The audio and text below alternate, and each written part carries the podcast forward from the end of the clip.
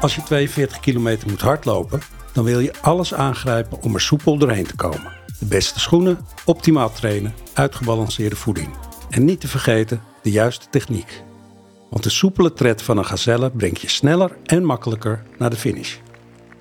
Dus we gaan het in deze vijfde aflevering van mijn eerste marathon hebben over de winst die je kunt behalen door het verbeteren van je looptechniek. Handig toch? Sowieso zijn ook alle andere afleveringen erg handig. Dus als je niks wilt missen, abonneer je dan op deze serie in je podcast-app. Nu, doen! Dan vergeet je straks ook niet te luisteren als je aan het strand of zwembad ligt. Oké, we gaan beginnen, maar eerst nog even een diepe buiging voor onze fijne sponsors Mitsuno en sportorganisatie Le Champion, die deze podcast mede mogelijk hebben gemaakt. Ik ben Alton Erdogan.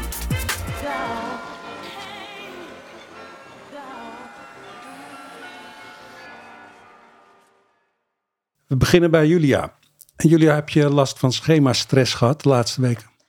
Ik had afgelopen week wel even last van schema-stress, ja. Het ging, het ging heel goed, tot eigenlijk gisteren.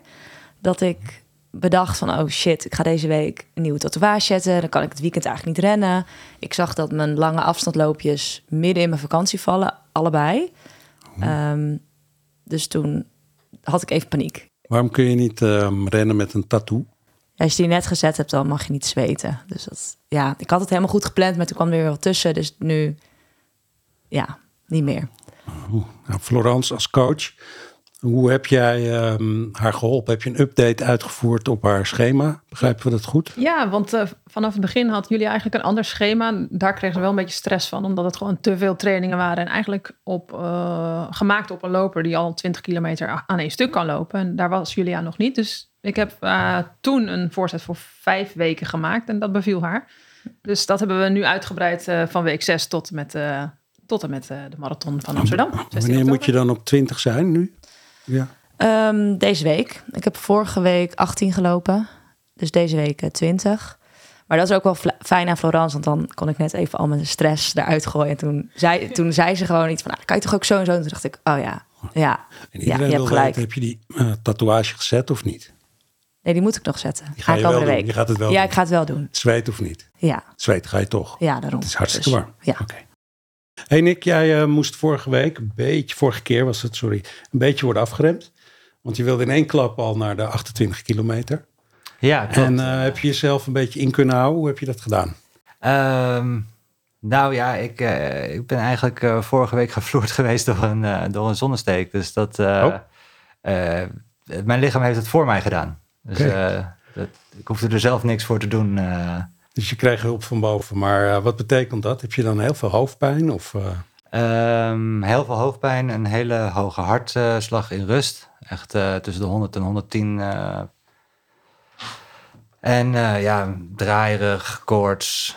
Wow. Dat, ja, nee, dat wens je echt niemand toe. Nou, hoe kwam dat? Heb je die gewoon opgelopen buiten of hoe is dat gebeurd? ik was het, het weekend was ik samen met mijn zwager de tuin van mijn oma opnieuw aan het bestraten.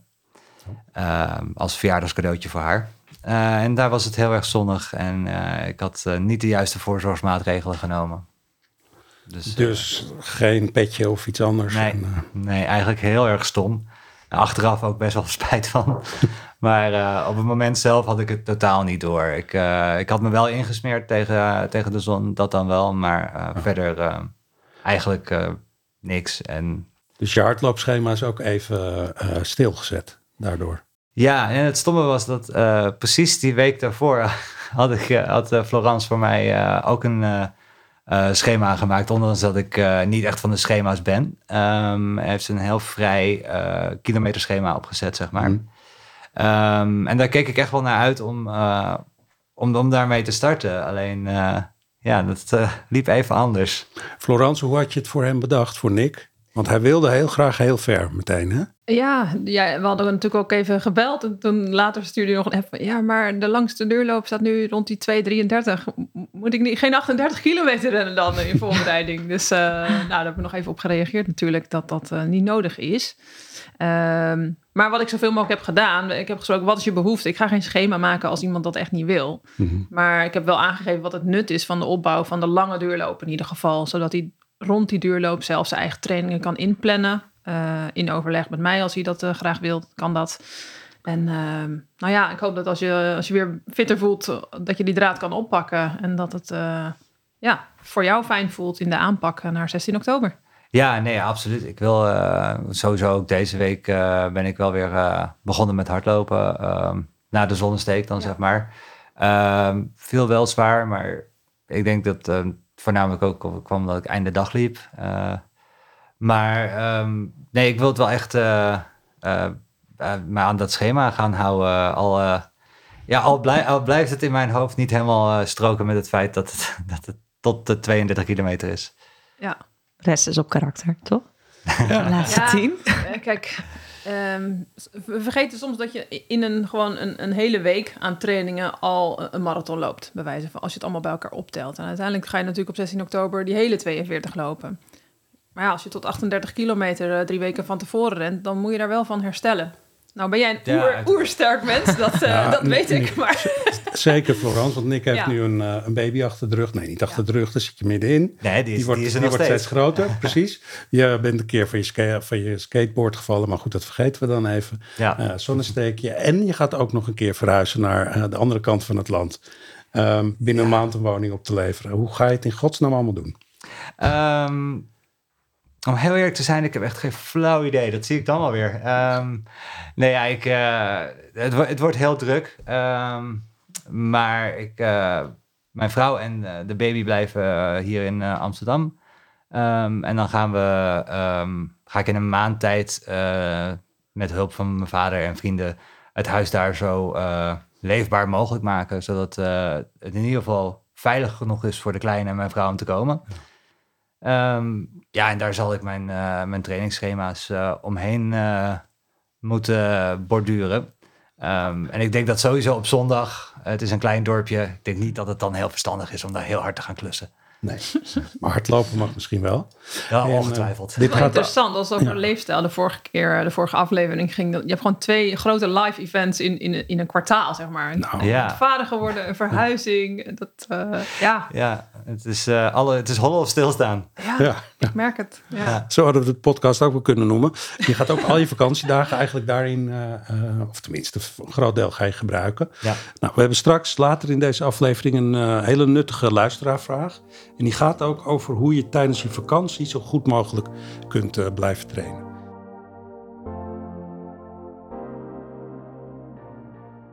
Maar nu eerst naar het thema van deze week. Verbeter je hardlooptechniek. Florence, om maar meteen met de deur in huis te vallen. Bestaat er zoiets als een eh, perfecte hardlooptechniek? Nou, perfect is altijd eh, wat je na wilt streven, maar ja, dat bestaat nooit 100%. Maar er zijn zeker een aantal belangrijke elementen die, die eh, een goede hardloopbeweging echt ondersteunen. Oké, we gaan ze even samen door, één voor één. Eh, als we bovenaan beginnen. Wat is het belangrijkste om goed in de gaten te houden? Nou, letterlijk bovenaan begin je bovenaan in je lichaam eigenlijk ook met een goede romphouding. Ja. Dat betekent eigenlijk het rechtop zetten van alles vanaf je bekken, buik, borst, nek, hoofd. Daar gaat het over de romp. Ja. Ze zeggen wel eens, stel je voor dat je een eh, schoteltje in je buik hebt. Die moet wel rechtop blijven staan. Ja, Anders sta je te schuin. ja, ja dat je dat zeker. Ja, Het zou kunnen. Dan de armen. Hoe moeten, moeten we iets met de armen doen? Of het is hardlopen, hè? dat hoeft toch niet? Ja, dat zeggen heel veel mensen. Van, Mhm. eh, ja, die armen, die vind ik maar vervelend. Die draaien maar een beetje mee. Eh, wat moet ik ermee, zeggen sommigen. Ik weet niet wat ik ermee moet doen. Mhm. Ehm, maar die zijn juist heel belangrijk voor, voor het ondersteunen van de been, beenbeweging. Ja. Ja. Ja. er zitten ook echt een aantal elementen die ik straks wel even zal toelichten. Ja. Die ehm, aangeven wat je nou het best met die arminzet kunt doen. Dus die armen zijn net zo belangrijk bijna Ja, als je benen. ik verklap het alvast, ze bepalen het ritme van je loop. Ja, Ja. Ja. Dus hoe sneller jij je armen zwaait, hoe sneller je benen gaan draaien. oké. En als je hele grote armbewegingen maakt, langzame grote, dan ga je ook grotere, langzamere passen nemen. We gaan weer iets verder naar beneden met de knieën. Wa- welke rol speelt je knie? Behalve dat die natuurlijk, dat kan ik me voorstellen, heel belangrijk is als je hard loopt. Ja, nou, eh, bij de knie-inzet, ehm, uiteindelijk gaan we straks 42 kilometer lopen. Eh, maar als je je knie hoger inzet, betekent dat je been makkelijker rond kan draaien, on- onder de knie ook, zeg maar. Waardoor je makkelijker landt en moeitelozer gaat lopen. Dus vandaar de knie-inzet is eh, ja, net zo belangrijk. Oké. Ja. Gaan we in één klap door naar de voeten. Voeten. Ehm, ja, daar heb je eigenlijk twee, eh, twee onderdelen. Hè. Ehm, bij de voetlanding gaat het er eigenlijk om hoe landt je voet op de grond. Dus we ploffen niet op de grond, we, we landen netjes op de grond. Dus we gaan eh, goed, goed met onze voetjes om. Ehm, ook weer een aantal accenten die, daarvan, die daarvan belang zijn. Ja. Ja. En dan heb je de, met de hak, moet je, de, Ja. je moet niet op je hak landen eigenlijk, zeg jij. Eh, nee, als het om voetlanding gaat, is het beter om op de middenvoet te landen. We zijn eigenlijk gemaakt om goed te kunnen rennen. Want vroeger moesten we gewoon onze prooi. Dus eh, wij zijn eigenlijk gemaakt om, om goed te kunnen hardlopen. Dat betekent bij de voet heb je de voetboog zitten. Ja. En op dat, dat stuk, dat is eh, veel eh bewegelijker en flexibeler dan die, dan die hak, dat harde bot. Dus daar wil je eigenlijk op landen, zodat hij landt op de grond en dan weer een beetje omhoog veert vanuit die voetboog.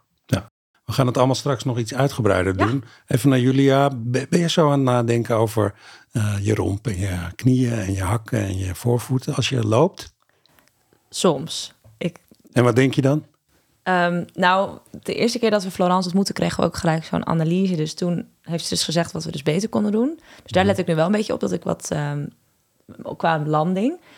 En ik heb altijd heel erg, nou, heel erg, een beetje stijve nek en stijve schouders. Dus ik probeer altijd wel dan weer rechtop te lopen. Maar dan loop ik ook weer niet lekker. Dus ik ben er wel mee bezig. Maar ik heb nog niet echt een manier gevonden hoe ik het nou kan doen. Oké, dat is die Ja. romp hè, waar, we het, eh, waar we net mee begonnen. Nou, dus dat- je ja. moet je schouders niet optrekken, denk ik. Romp ja, en armen, dat is heel Dus- belangrijk daarbij. rechtop. Niet je schouders helemaal naar je oren trekken, denk ik. Dus je Ja. schouders een beetje laag. Schouders zeker laag. En wat je krijgt als je die armen niet, die elleboog niet goed inzet en, en ze loslaat je onderarm. Ik zal het zo nog even e- uitgebreider toelichten. Mm. Maar als je ze hoog houdt, voel je zelf. Als je nu je schouders allemaal omhoog trekt, doe maar lekker mee. Luisteraars ook lekker meedoen. ja, dan voel je gewoon als spanning in je nek. Dat gaat zo naar boven eh, je schouder. Dat is gewoon niet fijn. Nee, dat is 42 kilometer niet Nee. vol te houden. Nee. Dus Huh? dat heeft eerder, als je nek-schouderklachten hebt, heeft eerder met je arminzet eh, te maken. Dus ik moet dat anders met mijn armen doen dan dat ik nu doe. Even dat rechtop, Ja. hè? Het is niet helemaal rechtop, want eigenlijk moet je iets naar voren, toch? Ja. Ehm, ook eventjes goed om daar... eh, ehm, wat bedoelen we precies? Rechtop is in ieder geval je lichaam lang maken. Dus dat je niet ingezakt eh, loopt.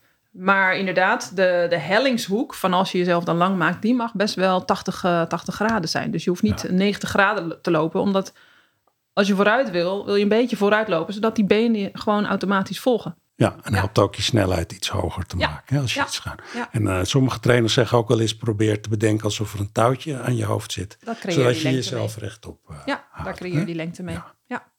Nou, toch die armen even, want eh, het is flauw om te zeggen dat ze niet belangrijk zijn. Want eigenlijk weten veel hardlopers dat wel. Als je je armen gewoon langs je lichaam laat bungelen, dan ga je niet lekker. Ehm, wat kun je met je armen allemaal doen? Ja. Nou, voor armen is het eigenlijk belangrijk. eh, het begint al bij de schouders dat die laag en ontspannen blijven, zodat je geen stressnek eh, krijgt. Dat is belangrijk. Het tweede belangrijke is dat je je elleboog goed naar achter inzet. Als jij je elleboog goed naar achter inzet, hebben we te maken met een zogenaamde salsa-beweging. Als wij nu allemaal zouden gaan staan en we bewegen onze elleboog naar achter, dan gaan onze heupen automatisch al een beetje naar voren. De, de, de loopbeweging start eigenlijk vanuit die heup.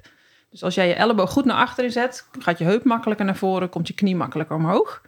Ehm, dus dat is heel belangrijk. En wat je heel vaak ziet, en dat, hebben, dat zag ik ook in de filmpjes eh, die ik had gemaakt van Julia en Nick, bij beide, is dat je hebt een, een, een, een hoek tussen je ehm, bovenarm en je onderarm. En die houden heel veel lopers op 90 graden op deze manier. Ehm, eigenlijk ter ontspanning wil je dat die onderarm, als je je elleboog hebt ingezet, een beetje los laat vieren. Waardoor er ook meer ontspanning in je arm staat. En je, eh, het bijkomende voordeel is dat daardoor je arm, ene arm voor is en je andere arm achter. Mhm. Dus als je het dicht bij elkaar houdt. Het lichaam zoekt altijd naar een balans, dus dan gaat hij hem rechts-links zoeken. Ja. Dan krijg je dus dat je zijwaarts energieverlies hebt. Ja. Ik weet niet of, of- kunnen jullie dat volgen, uh, Julia en Nick? Mhm. Ja. ja. Maar wij zien het natuurlijk ook. Dus ik weet niet hoe het voor de... Ja, ik denk dat Maar ik snap bij, wat je bedoelt. eh, bij langere duurlopen dat je dat ook... ehm, dat het bij mij een beetje toch nog steeds het geval is. Ondanks dat ik er eh, echt op probeer te letten. Maar dan Ja. voel ik ook eh, bij de langere duurloop echt mijn zijn... eh, spieren van mijn, van, van, van Ja. mijn bovenlichaam echt... Ja. dat, die doen dan het meeste pijn in plaats van mijn benen. Ja. Dus dat... eh, Je zijspieren? Bij Ja. jouw filmpje zag ik ook wel, je houdt je armen ook best wel echt strak langs je lichaam. Je mag, ze, Ja. je mag ze best een beetje los langs je lichaam. Want ze doen het toch wel. Je hebt een bicep en een tricep. Dus als je je elleboog naar achter gooit, haalt die bicep hem gewoon weer naar voren. Daar hoef je geen moeite voor te doen. En je Dus- arm, je arm gaat mee met je been die daar tegenover ligt, hè? Ja, Ja, dus Even, je, dat klinkt gek, ik maar ben dat is een wel beetje een, ik ben niet zo handig met links en rechts als vrouwen, maar als je je rechterarm naar achter doet, inderdaad, dan komt je knie omhoog. Die rechterknie ook. Ja, ja, precies dat. Ja. En naar voren, dan is het het tegenovergestelde been. Anders hebben we de giraffenloop, zeggen we dan. En even die, even die ontspanning nog. Het is dus niet de bedoeling dat je knuisten maakt en heel erg hard knijpt. Hè? Nee, dat is het handen. laatste stuk. Dus als het gaat om goede armtechniek en de schouders lekker laag. Je elleboog zet je goed in naar achter. Je onderarm laat je op vieren. En je polsen eh, en, je, en je vuisten, daar maak je geen zwaarden van. Daar maak je geen, eh, geen vuisten van. Maar gewoon lekker ontspannen. Ik zeg altijd alsof je een eitje vasthoudt met een duim Ja. en je wijsvinger op elkaar. Gewoon losjes, ontspannen. Sommigen zeggen ook wel een eh, klein vogeltje. Of dus klein vogeltje, ja. knijp hem niet dood. Ja, ja inderdaad. Kan ook. Beetje losjes, Wat maar beetje werkt losjes. voor jou visueel. Ja, Zeker. nou, eh, de knie dus, zei je net, een beetje hoog op. Want zo ga je echt een goede, goede cirkel maken ook. Uiteindelijk Ja. wil je dat. Ja. Dus je knie omhoog. Ehm, die hak, eh, zwaai, die moet je denk ik niet helemaal tot je beeld doen. Hè? Want dan eh, ziet het er ook misschien wel een beetje gek uit. Nou is dat niet Ja. zo belangrijk, maar dat is niet... Dat geeft ook energieverlies misschien wel. Nou ja, kijk, de, als je het hebt over ideale looptechniek, dan volgt nadat je je knie hebt ingezet en omhoog gezet, wil je eigenlijk al beginnen met die hak eh, zwaaien richting je bil. Niet tot, tot aan, daar heb, je, daar heb je helemaal niks aan als je hem tot aan je bil steeds eh, brengt. Dat hoeft helemaal niet. Maar je wilt de beweging vlot en kort maken. Alsof je benen fietsen in de lucht. Ja. Tijdens Zo weinig mogelijk contact met de grond uiteindelijk. Is dat ook een doel? Ja, nou dat heeft met de voetlanding te maken. Mhm. Dus bij voetlanding ehm, gaf ik al aan, idealiter landen we richting de voorvoet. Nou wil ik wel tegen mensen zeggen, die als die altijd een haklanding gewend zijn, gaan niet meteen extreem over die voorvoet lopen, dan krijg je blessures. Dus eh, pas je loopstijl daar langzaam aan aan als je dat wil uitproberen voor jezelf. Maar het belangrijkste is dat korte grondcontact. Want Ja. dan heb je zo weinig mogelijk energieverlies in die grond. Ja. Anders gaat het, verdwijnt het in de grond. Ja, Letterlijk. wat ik altijd tegen mijn lopers zeg is, is, eh, stel je maar voor dat er een stuiterbal onder iedere voet zit. Waarbij je eh, eigenlijk de nadruk en de focus legt op het naar beneden brengen van je been. Maar je ziet al wat er dan gebeurt. Dan stuit het die makkelijk vanzelf weer omhoog. Ja. Dat is belangrijk. Dus, dus als we korter de grond willen raken, hè, om zo weinig mogelijk energie te Ja. verliezen, hoe kun je dat trainen? Ja, eigenlijk voor alle bewegingen die ik heb gezegd, hebben we specifieke looptechniek oefeningen. Die, daar kan je ook op googlen op looptechniek. Eh, maar als het gaat om kort grondcontact, dan wil je eigenlijk, ehm, dat is een vorm die noemen we tripling, waarbij je eigenlijk eh, kort voet voor voet op de grond zet en weer omhoog komt en dat je hak nauwelijks de grond raakt. Als je zoekt op tripling, T-R-I-P-P-L-I-N, L-I-N-G, dan, dan, eh, dan vind je die oefening, heb je genoeg videootjes ervoor. Ehm, ideale knieën zetten, ja, is eigenlijk goed genoeg die knieën omhoog brengen met een goede elleboog inzet. Dat heet dan weer skipping. Ja. En er zijn nog allerlei variaties eh, op mogelijk. eh, Ja. eh, Als je nou op internet gaat kijken, heb je dan een, een plek waar je per se het beste kan kijken? Ik kan me ook voorstellen dat er eh, ja, een beetje rommel eh, aan video's is. Dus wat ja, zou je ik dan zou gewoon bij adviseren? de bekende ehm, platformen voor het hardlopen gaan. Dus Runners World is, is prima. ehm, hardlopen.nl, daar, je vindt er Dat allerlei. Ehm, Ik zou vooral naar video's kijken waar mensen het ook uitleggen hoe het werkt en wat je moet doen. En ook al leg ik het aan mijn lopers uit, dan doen ze het ook nog niet allemaal goed. Dus Nee. eh, heb niet de illusie dat, dat als je morgen begint met die skippings en triplings, dat het dan in één keer goed gaat. Want goede looptechniek duurt echt wel langer. Dus een loopgroep helpt daar misschien ook wel bij, dat er gewoon goed naar je gekeken wordt, kan ik me voorstellen. En het, het, gaat- het belangrijkste, het gaat ook om bewustzijn van al die elementen. En dan, ja, omdat dat het zo'n mooi rijtje is. ik heb nog kinderen, dus dan haal ik het liedje van hoofd, schouders, knie en teen, knie en teen, knie en teen, haal ik erbij. Zodat je, weet je, bij, bij elke hoek waar je afslaat, denk je, oh, ik doe even mijn hoofd, eh, mijn romp check. Oh, eh, volgende hoek, ik check even mijn arm inzet. Volgende hoek. Nou, zo ga je het rijtje af. Dus eigenlijk ook van boven naar beneden even gewoon de punten langs. Hoe, hoe ben ik bezig? Gaat het Ja. nog goed? Heel goed. Stel nou dat je denkt, nou het gaat allemaal heerlijk en ik ga helemaal nergens op letten. Want het gaat toch goed zo op deze manier. Waarom zou je toch eh, goed op die hardlooptechniek moeten letten? Nou, het voorkomt in ieder geval blessures. Dat is het eerste belangrijke voordeel, dat je ehm, daar aandacht op voor hebt. Ehm, ja, gewoon goed opmerken wat je blijft voelen tijdens het lopen. Dat is dus, eh, dus één, voorkomen van blessures en het verbeteren van je loopefficiëntie. Zeker als je marathon gaat lopen. Ja, en- en voor degene die misschien een, een bepaalde PR willen lopen of een bepaalde tijd willen halen, helpt dat natuurlijk. Ja, En maar- sowieso qua energieverbruik voor jezelf. Als jij nou nieuwe lopers ziet, hè, wat is de meest gemaakte fout over het algemeen? ehm, de, de voetlanding op de hak en de arm zwaaien alsof ze carnavallen. ja. Klinkt wel gezellig, maar Ja, dat is ook niet goed.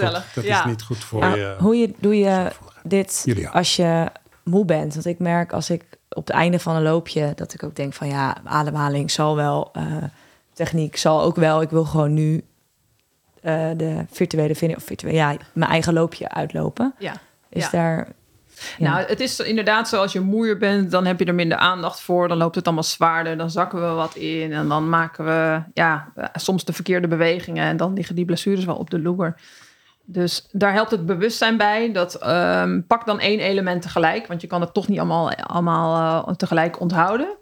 Ehm, en iets trager lopen, maar wel op een, een nette mooie houding eh, letten, zoveel mogelijk. Nick, hoe is dat voor jou? Ehm, heb jij het gevoel dat je goede hardlooptechniek eh, hebt of, of ben je daar niet mee bezig? Ehm, nee, ja, ik ben er eigenlijk ook al voor de podcast, was ik daar eh, behoorlijk mee bezig. Ehm, niet zozeer met mijn ademhaling, maar wel echt heel erg met mijn houding, eh, met, met in de, in het afwikkelen van je voeten. Eh, en eerlijk gezegd dacht ik wel dat ik redelijk op de goede weg was, maar toch nog jij hebt aantal, vroeger eh, jeugd atletiektrainingen gehad, toch? Ja, klopt, ja, Ja. klopt. En Dus er ook, zat wel eh, een soort basis in. ja, ja maar bij ons op de, in, in, de, in de jeugd werd altijd gezegd dat eh, je mocht je vuisten niet ballen, want dan kreeg je maagkrampen, steken in je zij. Oh. Ehm, ik weet niet wat daarvan waar is, maar ik, ik heb het in ieder geval nooit gedaan. Eh, mijn vuisten ballen, dus eh, dat... Dat is eh, wel fijn. Je knijpt je vogeltjes ook niet dood in jou. Nee, nee. Mooi, dat is Nee, mooi.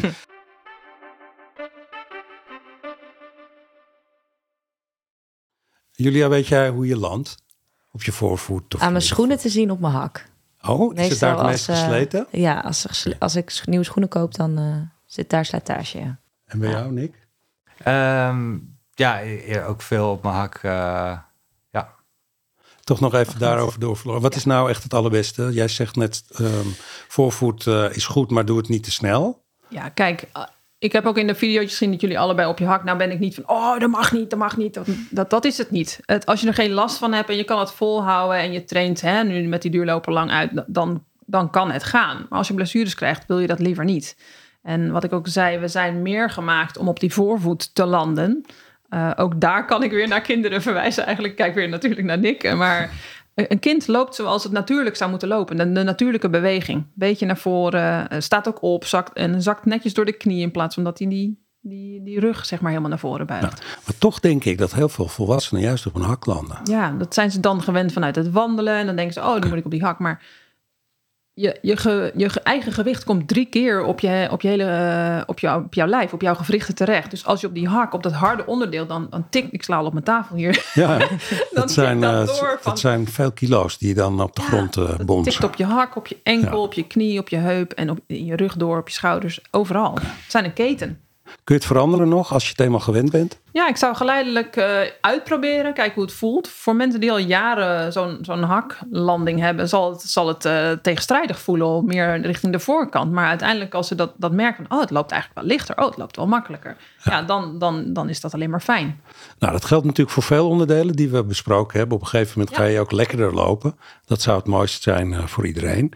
Um, natuurlijk, kijk goed ook naar video's. Naar video's ook van jezelf. Ik denk dat dat heel belangrijk is.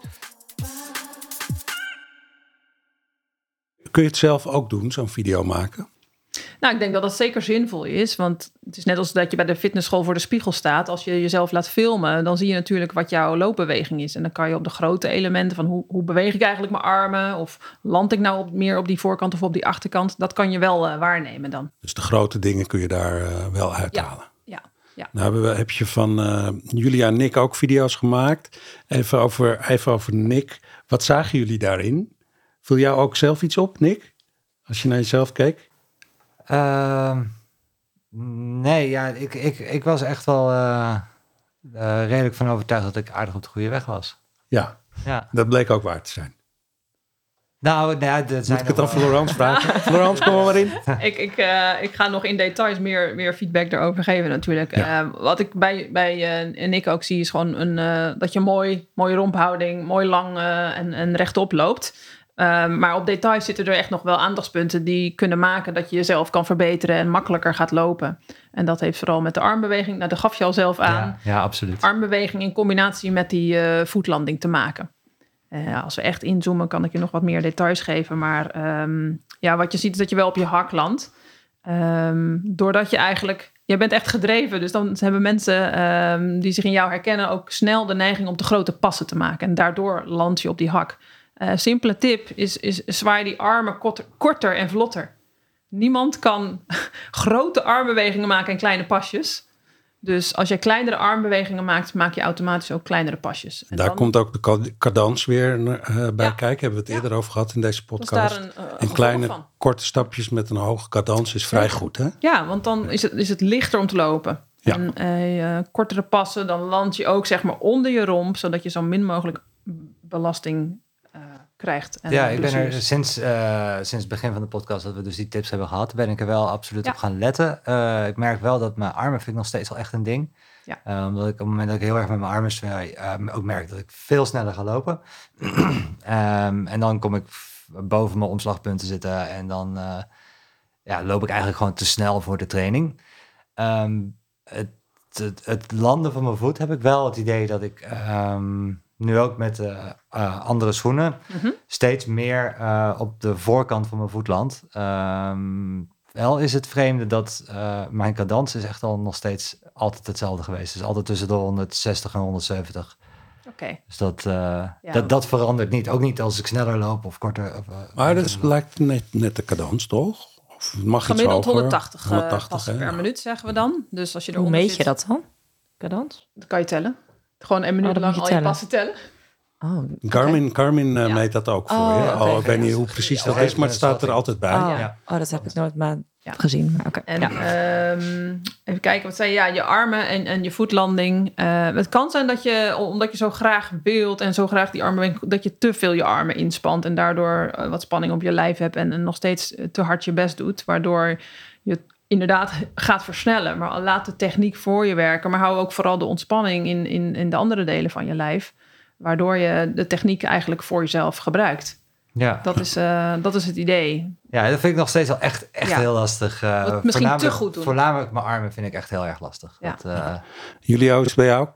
Kun je naar jezelf kijken eigenlijk? Ehm, ja, die video die Florence had gemaakt, inderdaad, dat had ik ook wel wat goede dingen uitgehaald. Ook vooral dus dat ik ehm, niet recht onder mijn lichaam eh, land. Dus is dat ook een hak, dat ik op mijn hak land? Of, Dat je niet recht onder je lichaam landt? ja, dat je? was toch dat ik de grote passen nam ook. Dat ik, Ja, eh, oh, dat Ja. je niet onder je lichaam zwaartepunt Ja, landt. dat bedoel ik. Dan neem Ja. je eh, eigenlijk de grote passen, ja, waardoor je eigenlijk ja, landt voor je lichaam. En dan moet je Ja. lichaam er nog achteraan komen. ja, Ja. dat was ook mijn grootste. En ook mijn armen, dat ik die veel te stijf zo langs mijn lichaam Ja. Ja. houden. Dus daar ben ik... eh, maar ik was even kwijt hoe ik het nou wel moest doen. Dus dat kan ik nu weer... eh, Kan je Nu weer oppakken. ja. Ehm, wat zag ik nog bij jou?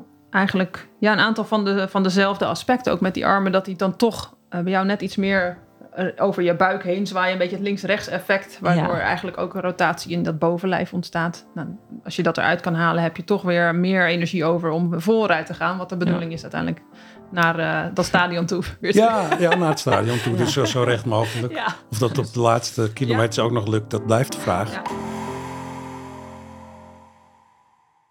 Wat ook wel misschien nog mooi is om even kort nog aan te vullen. Eh, we hebben het eerder over het, het nut van krachttraining gehad.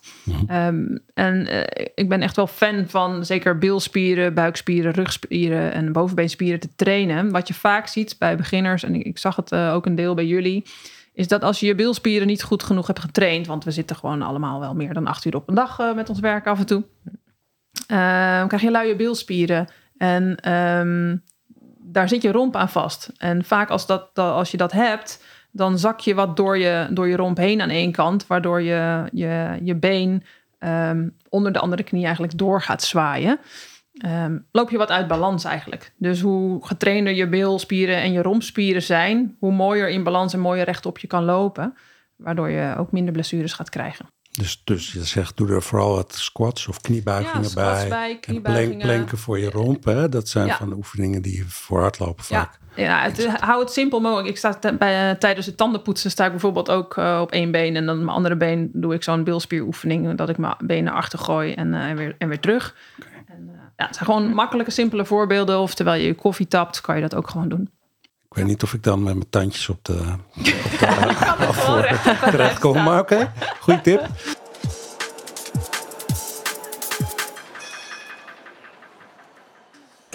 We gaan zo eh, verder, namelijk met een vraag van een eh, luisteraar.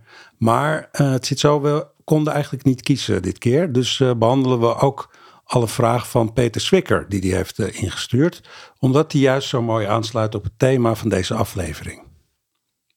Hij vraagt, ik heb wel eens gehoord dat de armen het tempo bepalen. Nou, we hebben het er net Ja. over gehad, eh Florence. Eh, wij zeggen dus ja op die vraag. Want hij vraagt dus, klopt dat? En hoe werkt dat? Nog, nog één keer, dus die armen. Ze bepalen het ritme. Niet het tempo, wel het ritme. Oké. Dat is even een kleine Want, nuance. want, want Nick zegt net, als ik harder ga zwaaien, dan ga ik ook harder lopen. Ja. Zelfs over mijn omslagpunt. Dat, dat hoeft niet. Nee, oké. Dat gebeurt bij Nick. ja. Nee, Dan weet ik niet of ik echt een, eh, een, een, exact juist voorbeeld ik- ben dan in dit. Als ik eh, jou zo voor me zie, dan ga je toch als een tierenlier. En dan, dan Maar ik kan me wel arm. voorstellen, als je, als je veel kracht zet met je armen, dan ga je toch Ja, ook als jij je elleboog fanatieker naar achter inzet, dan maak je natuurlijk een soort versnelling in je lijf, waardoor je wel snelheid kan gaan maken. Maar als je gewoon een rustige duurloop doet, wil je, wil je eigenlijk die armen rustig zwaaien. Je wil ze gebruiken, zodat je met het ritme van je armen het ritme van je benen kan bepalen. Helder. Nou, er was nog een vraag van Peter Zwikker. Eigenlijk had Nick het er net ook al over. Ik heb vroeger altijd geleerd, zegt hij, eh, dat zei Nick net ook, eh, met mijn duimen in mijn vuist te lopen om kramp te voorkomen in mijn zij. Die had ik zelfs nog nooit gehoord. Hij zegt, klopt dat nou of is het een broodje aap? ik, ik heb er ook even nagezocht. Ik heb het wel eens uit een loopgroep dat ik dacht, nou, hoe kan dat nou waar? Het is niet theoretisch onderbouwd. Ik denk wel dat het je kan helpen als je last hebt van steken in je zij. Je verlegt even de focus. Ja. Dus je, oh, duim in, eh, duim in mijn vuist en je verlegt de focus. Maar je, je kan net zo goed op je ademhaling gaan letten. En dat is misschien wel een betere tip.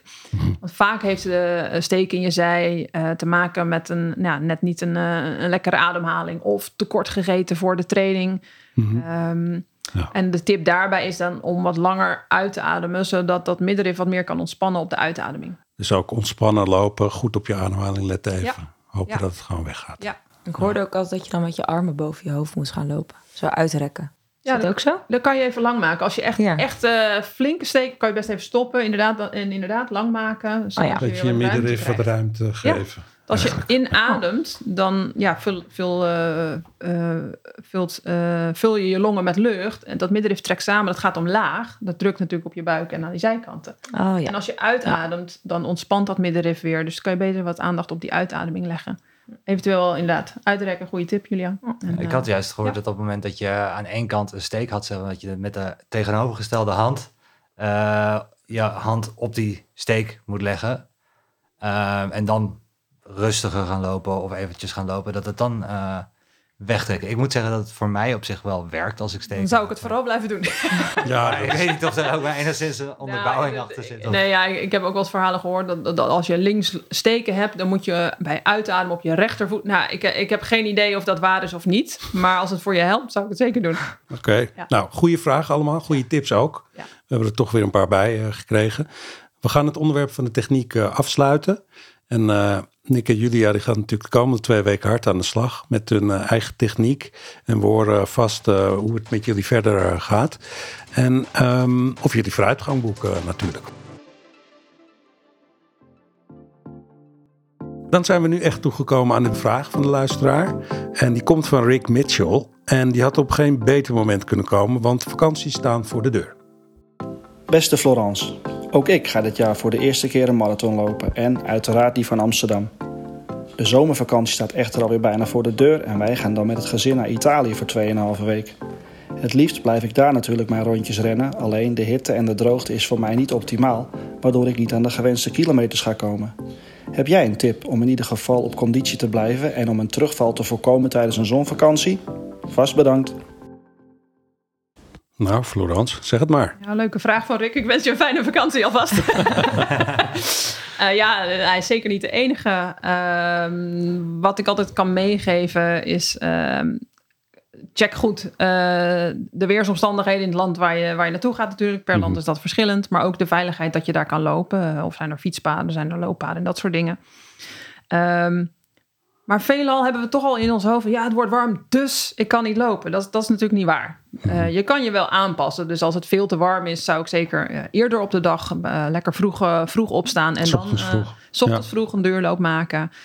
goed letten op het water check ook voordat je rondjes gaat maken ergens of een, of een bepaalde route wil lopen. Gewoon even op je Google Maps lokaal waar je dan terechtkomt, waar je loopt. Mhm. Dat helpt al. Dat geeft je misschien ook een gevoel van rust of wat zekerheid daarbij. Um, ja, en als er heel veel bergen en heuvels zijn, ja, maak het dan, dan niet meteen te dol. Uh, een heuveltraining kan af en toe goed zijn, maar een hele duurloop uh, met de Alpe d'Huez op, uh, dat zou ik zeker niet gaan doen. Nee, in een berg kun je ook lopen, natuurlijk wandelen. Ja. Flink doorwandelen is ook heftig. Dat kan heftig zijn. Je kan op je hartslag letten misschien dan. In plaats van dat je per se voor Ja. snelheid gaat. Ja, dat zeker op je hartslag letten. En, en uh, kijk, 2,5 week. Ja, ik zou zeker wel wat duurlopen maken. Ja, als het te heet is en te, te, te benauwd, zeg maar. Ja, dan, dan moet je het er echt niet uit gaan persen. Ja. Um, neem ook lekker je mobiel mee. Maak leuke plaatjes uh, vooral en geniet er ook van. En ja. het is natuurlijk superleuk om plaatjes uit het buitenland te sturen in je hardloopsetje. En uh, ja. ja. Want hoe erg is het dan als je bijvoorbeeld een lange duurloop mist. Als je dus op, al tenminste, ik zie het niet echt zitten. Ik, mijn 30 kilometer loop zet gepland in mijn vakantie. Ja. Waar ga je naartoe, Uh, Julia? Spanje, naar de camping. Dus op zich wel Ja. prima omstandigheden om te lopen. Uh, ik zat zelf te denken, dat ik, ga, ik mis één weekend. Dus dan kan ik het misschien in Nederland nog doen... en dan een korter of zo in Spanje, zoiets. Kijk, als je het van tevoren ja. weet, kun je een beetje je schema een klein beetje ernaar bouwen. Maar ja, als je Ja. drie weken op vakantie gaat, ja, je zal toch wat door willen trainen uiteindelijk. Ja. Um, maar je zou misschien net in details wat, wat naar voren of naar, naar achter kunnen halen voor de lange duurloop, dat je die weer in Nederland zou kunnen doen. Um, ja, dan, dan moet je hem korter maken. Uiteindelijk is het Ja. belangrijk hoe je je daar voelt. Maar ga niet per se ervan uit, dus ik kan niet hardlopen. Maar kijk wat er wel mogelijk is voor je en hoe dat voelt. En ehm, ook weer in afstemming met, eh, met de thuisgrond of de vakantiegangers natuurlijk. Ja. eh, Zou je in hoge nood misschien ook een geairconditioned eh, sportschool kunnen vinden... waar je het op de loopband doet? Die 10 kilometer Nou, of die ik- ik heb 20? Of zelf- denk je, maar, Ik heb zelf in de, in de winterperiode dat het echt kletsnat eh, buiten was. Dat ik dacht, ah, ik heb niet weer zin om buiten te lopen. Dan heb ik een, een uur een hersteltraining op een loopband. Ik, ik vind het niet leuk. Maar die ene afwisseling, gewoon dat ik droog bleef, vond ik fijn. Maar langer dan een uur houdt niemand vol op een band. Zou ik zeggen, ja, het kan, maar dat, dat is niet echt leuk. Goed, we zijn nu eh, ongeveer vier tot zes weken echt aan het eh, trainen. Over drie maanden gaan we, nou, zoals we allemaal hier aan tafel zitten, ongeveer eh, los. En dan gaan we de marathon echt lopen. Dat gaat ons nog flink wat trainingsuren kosten. Nick, hoe zien jouw komende twee weken eruit, denk je? Ehm, nou ja, ik wil in ieder geval mijn duurlopen volgens het schema doen wat ik van Florence gekregen heb. Ehm, en daarin ehm, eh, voornamelijk de duurloop op zondag en dan op maandag een herstelloop. En dan eh, kijken of ik één à twee tra- trainingen nog zelf daartussendoor eh gefietst krijg, meer mits het thuisfront het toelaat. Ja, dat snappen we, want je bent natuurlijk met de baby en met alle Ja. nieuwe plannen voor jullie heel erg druk. Wat is een herstelloopje voor jou trouwens? Ga je dan heel laag in je hartslag? Gewoon een beetje... Ehm, gewoon heel rustig lopen en, en niet te ver. Ja. Wat is voor jou de komende twee, wa- eh, twee weken het aandachtspunt? Ehm, bij mij is het wel een beetje. eh, ik merk nu dat het lekker weer wordt, wil ik heel veel. En dan vriendinnen, terrasjes, eh dagje strand. Maar ik moet gewoon ook even. Dan denk ik, oké, ik moet weer even back to basic. Want ik moet weer eventjes ook die trainingen blijven inplannen. En ik merk nu, ehm nou, afgelopen week 18 kilometer gedaan. Het kost gewoon wel veel tijd. Je bent wel gewoon twee uur onderweg. Mhm. Ehm, dus ik kan niet helemaal meer mijn hele weekenden gaan volplannen. Wat ik nu nog wel steeds doe. Dus dat is even een aandachtspuntje voor de komende Nou, welke weken. afstanden ga je de komende twee weken? Eh, 20 deze week. En volgende week dan ehm 22, geloof ik. Elke keer 10% erbij. Dus ehm, Ja. ja. Florence, wat zijn de belangrijkste tips voor Nick en Julia komende tijd? Nou, hou die duurlopen gewoon eh, er goed in. En eh, sowieso voor Julia in het schema hebben we ook eh, natuurlijk intervaltrainingen... waarin we wat Ja. schuiven van, van eh, zone 2 naar zone 3. Ook om een beetje gevoel te krijgen bij het marathontempo waar je straks op gaat lopen. Eh, dat is belangrijk om daar, daar ervaring in op te doen.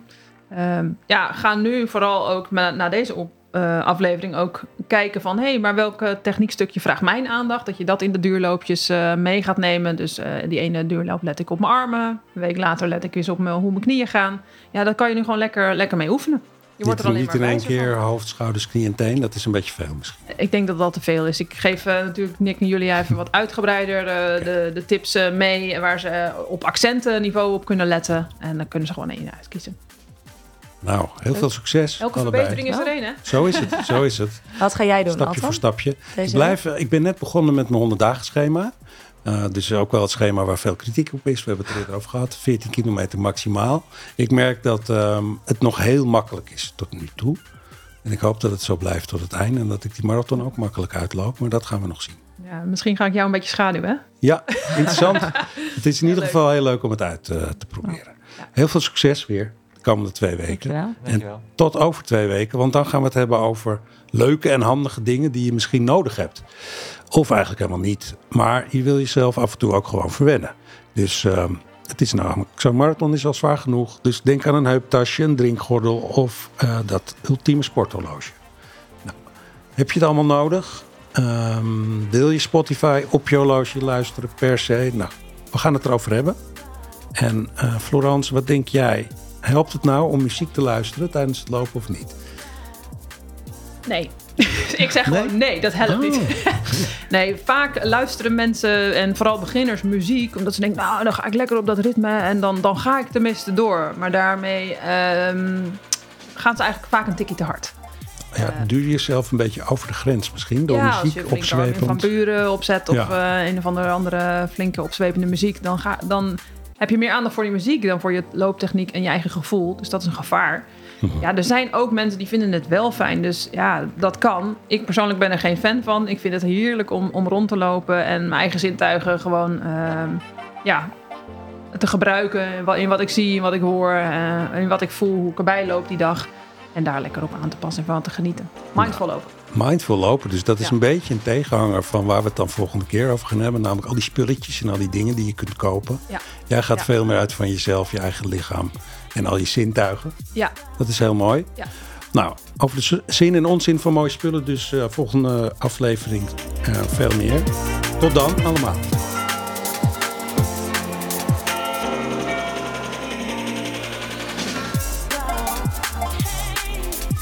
Deze podcast is een productie van Next Episode. Audiodesign werd verzorgd door Studio Cloak. De eindredactie was in handen van Remco Thomassen. Ik ben Altan en ik zeg blijf lopen, blijf luisteren.